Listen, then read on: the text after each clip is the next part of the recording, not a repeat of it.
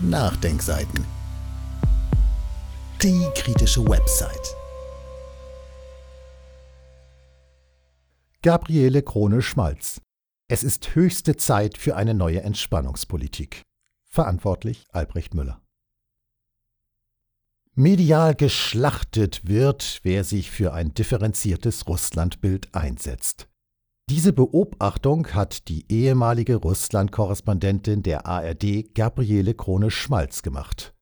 Im Interview mit den Nachdenkseiten sagt Krone Schmalz, mittlerweile seien geradezu hysterische Zustände zu erkennen, wenn es darum gehe, sich der Dämonisierung Russlands entgegenzustellen.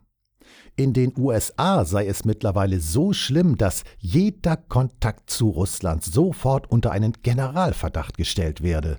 Die McCarthy-Ära lässt grüßen, sagt Krone Schmalz. Ein Interview über die angeschlagenen Beziehungen zu Russland, Schieflagen in der journalistischen Berichterstattung und die Möglichkeiten, die zu einer Verbesserung des Verhältnisses zwischen Deutschland und Russland führen könnten. Ein Interview von Markus Klöckner. Frau Krone-Schmalz, das Verhältnis zwischen Russland und dem Westen ist seit geraumer Zeit alles andere als gut. Was läuft hier falsch? Eine ganze Menge.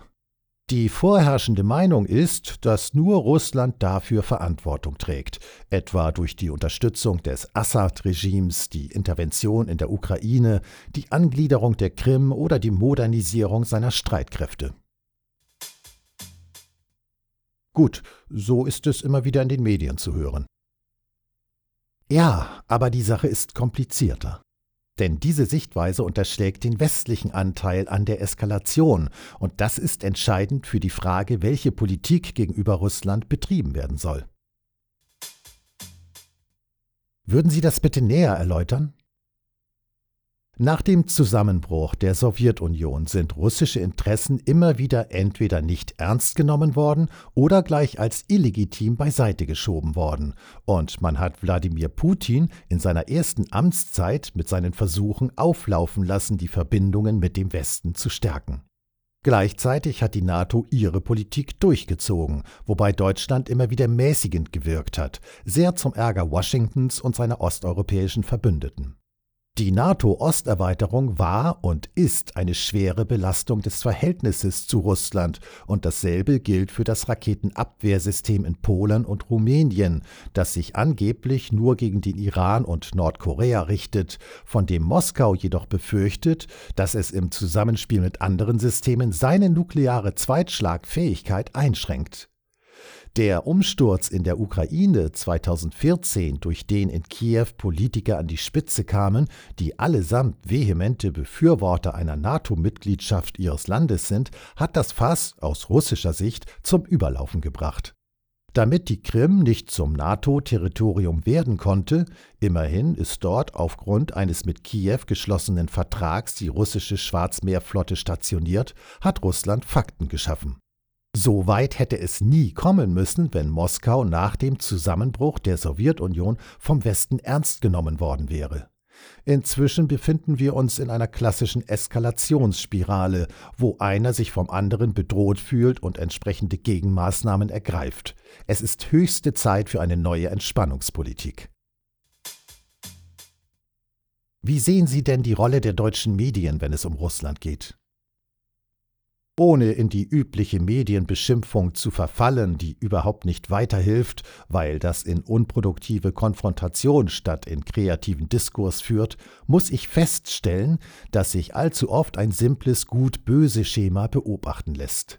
Ganz gleich, wo man hinschaut, ob in die Ukraine, nach Syrien, in den Sport oder sonst wohin, es sind immer allein die Russen, die auf der bösen Seite stehen. Und achten Sie einmal darauf, wie oft Berichte über russische Missetaten auf Mutmaßungen beruhen, etwa auf unbewiesenen Vorwürfen, beispielsweise von baltischen Regierungsstellen, wie jüngst beim russischen Zapat-Manöver. Der Medienwissenschaftler Uwe Krüger nennt das sehr zutreffend Verdachtsberichterstattung. Wo liegen die Schwachstellen in der Berichterstattung? Statt politischer Analyse wird moralische Bewertung geliefert und auf allen möglichen Gebieten mit zweierlei Maß gemessen. Statt Hintergründe und Zusammenhänge so neutral wie möglich zu schildern und auch mal Perspektivwechsel vorzunehmen, um sämtliche Seiten zu verstehen, im Sinne von deren Beweggründe zu begreifen, statt also Politik zu erklären, wird viel zu oft versucht, selbst Politik zu machen und den Bürger auf den richtigen Weg zu führen. Was fällt Ihnen noch negativ auf? Dass der Druck durch die veröffentlichte Meinung, in der Russland eine bestimmte, nämlich rein negative Rolle spielt, mittlerweile so stark ist, dass selbst Politiker und Kollegen, die sich für ein differenziertes Russlandbild einsetzen und mit Blick auf das hohe Gut Frieden nach Wegen suchen, die aus der Konfrontation herausführen, es nicht wagen, das öffentlich zu äußern, aus Sorge, medial geschlachtet zu werden. Denn jeder, der sich außerhalb des Mainstreams bewegt, kann ja nur gekauft sein. Der Gedanke, dass jemand sich des eigenen Verstandes bedienen und aufgrund von Fakten zu einer anderen Einschätzung kommen könnte, wird nicht zugelassen. Es herrscht mittlerweile eine Art Hysterie. In Deutschland noch nicht so stark wie in den USA, wo mittlerweile jeder Kontakt zu Russland kriminalisiert und unter Generalverdacht gestellt wird. Die McCarthy-Ära lässt grüßen. Wie kommt es, dass Qualitätsmedien, die in aller Regel über sehr gut ausgebildete Journalisten verfügen, solch einen Journalismus abliefern? Mit dieser Frage quäle ich mich schon lange. Es hat sicher auch strukturelle Gründe. Die technischen Möglichkeiten im Fernsehen zum Beispiel haben sich dramatisch verbessert. Technisch sind wir in der Lage, unmittelbar nach einem Ereignis auf Sendung zu gehen. Und Schnelligkeit ist im Journalismus auch eine Qualität, aber wenn sie zu Lasten der Gründlichkeit geht, dann verkehrt sich der vermeintliche Vorteil ins krasse Gegenteil. Es kann nicht sein, dass Journalisten, die sich an Ort und Stelle aufhalten, lediglich auf Agenturmeldungen für ihre Berichte zurückgreifen müssen, weil die Zeit für eigene Recherche nicht reicht. Was Zeitungen betrifft, das Zeitungssterben geht zu Lasten der Vielfalt. Das, was allgemein berichtet wird, stammt aus den Redaktionen weniger Leitmedien, auf die sich alle verlassen. Was man nicht unterschätzen sollte, es ist viel bequemer, sich im Mainstream zu bewegen, dafür braucht man sich nicht zu rechtfertigen. Alles, was abseits davon ist, muss man aufwendig begründen und herleiten und sich gegebenenfalls arbeitsintensiv wehren.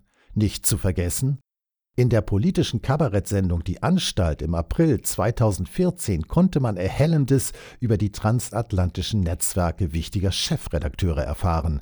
Etwas Vergleichbares Richtung Russland gibt es meines Wissens nicht. Sie selbst sind auch in der Journalistenausbildung tätig.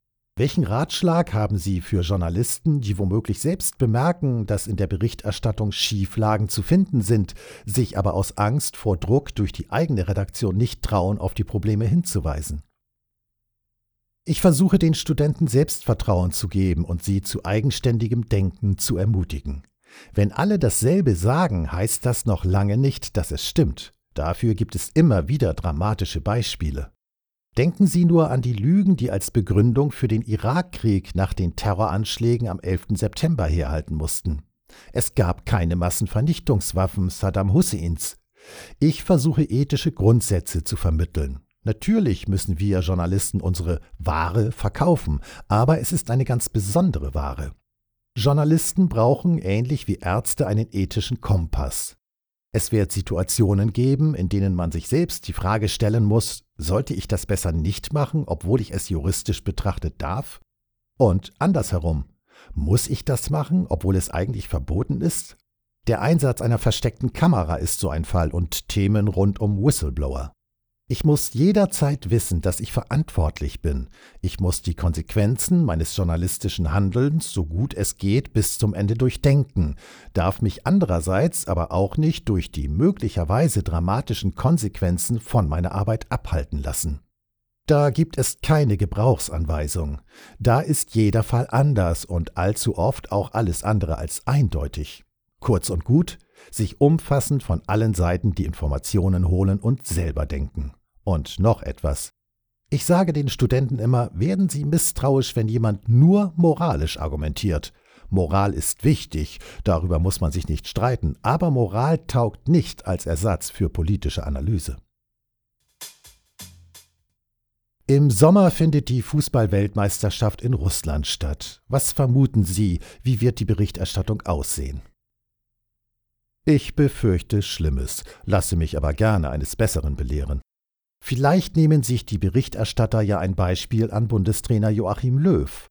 Der hat während des Confed Cups letztes Jahr in einem Interview mit der Zeit gesagt, er wolle mit seiner Mannschaft zur Völkerverständigung beitragen. Zitat Wir wollen auf die Menschen in Russland zugehen, Interesse an ihnen zeigen, offen sein. Zitat Ende. Auf der Konferenz in Kassel zum Thema Krieg und Frieden in den Medien, an der Sie auch teilgenommen haben, wurde viel über Propaganda gesprochen. Sehen Sie propagandistische Elemente in der Berichterstattung deutscher Medien, wenn es um Russland geht? Da schließe ich mich dringend der Forderung von Uwe Krüger an, der auch an dieser Tagung teilgenommen hat. Wir brauchen viele Lehrstühle für Propagandaanalyse. Eine kritische Propagandaanalyse muss her, denn Propaganda können alle, die in Moskau, die in Washington und die in den Hauptstädten der EU ebenfalls. Das größte Problem ist die unbewusste Propaganda, die horizontale Propaganda, wie Uwe Krüger sie nennt, dieser Automatismus durch erfolgreich sozialisierte Gesellschaftsmitglieder. Welche Möglichkeiten sehen Sie zur Verbesserung des Verhältnisses zwischen Deutschland und Russland? Was sich wie eine Floskel anhört, muss mit Leben gefüllt werden. Vertrauensbildende Maßnahmen. Darüber hinaus will mir nicht in den Kopf, dass sich in einer Demokratie eine Mehrheit nicht durchsetzen kann. Die Mehrheit der Menschen in Deutschland ist an einem guten Verhältnis zu Russland interessiert. Es wird Zeit, dass Entscheidungsträger in Politik, aber auch die Medien das zur Kenntnis nehmen. Was kann noch getan werden? Jeder, der es kann, sollte in seinem Umfeld für Kontakte und Austausch sorgen. Die beste Investition in Friedenspolitik ist Jugendaustausch auf allen möglichen Ebenen.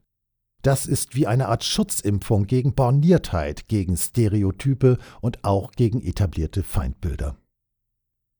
Innerhalb des Artikels finden Sie einige Verlinkungen zum Thema. Dieses Audio konnte nur entstehen, weil zahlreiche Leser und Leserinnen die Nachdenkseiten fördern und durch Spenden unterstützen. Wenn Sie auch etwas tun wollen, klicken Sie einfach den entsprechenden Button auf unserer Website an. Übrigens, Sie können uns auch bei iTunes, SoundCloud und YouTube hören und wenn Sie mögen, gerne unseren Kanal abonnieren und eine positive Bewertung für uns abgeben. Wir freuen uns über Ihre Unterstützung und die Weiterverbreitung unserer Inhalte.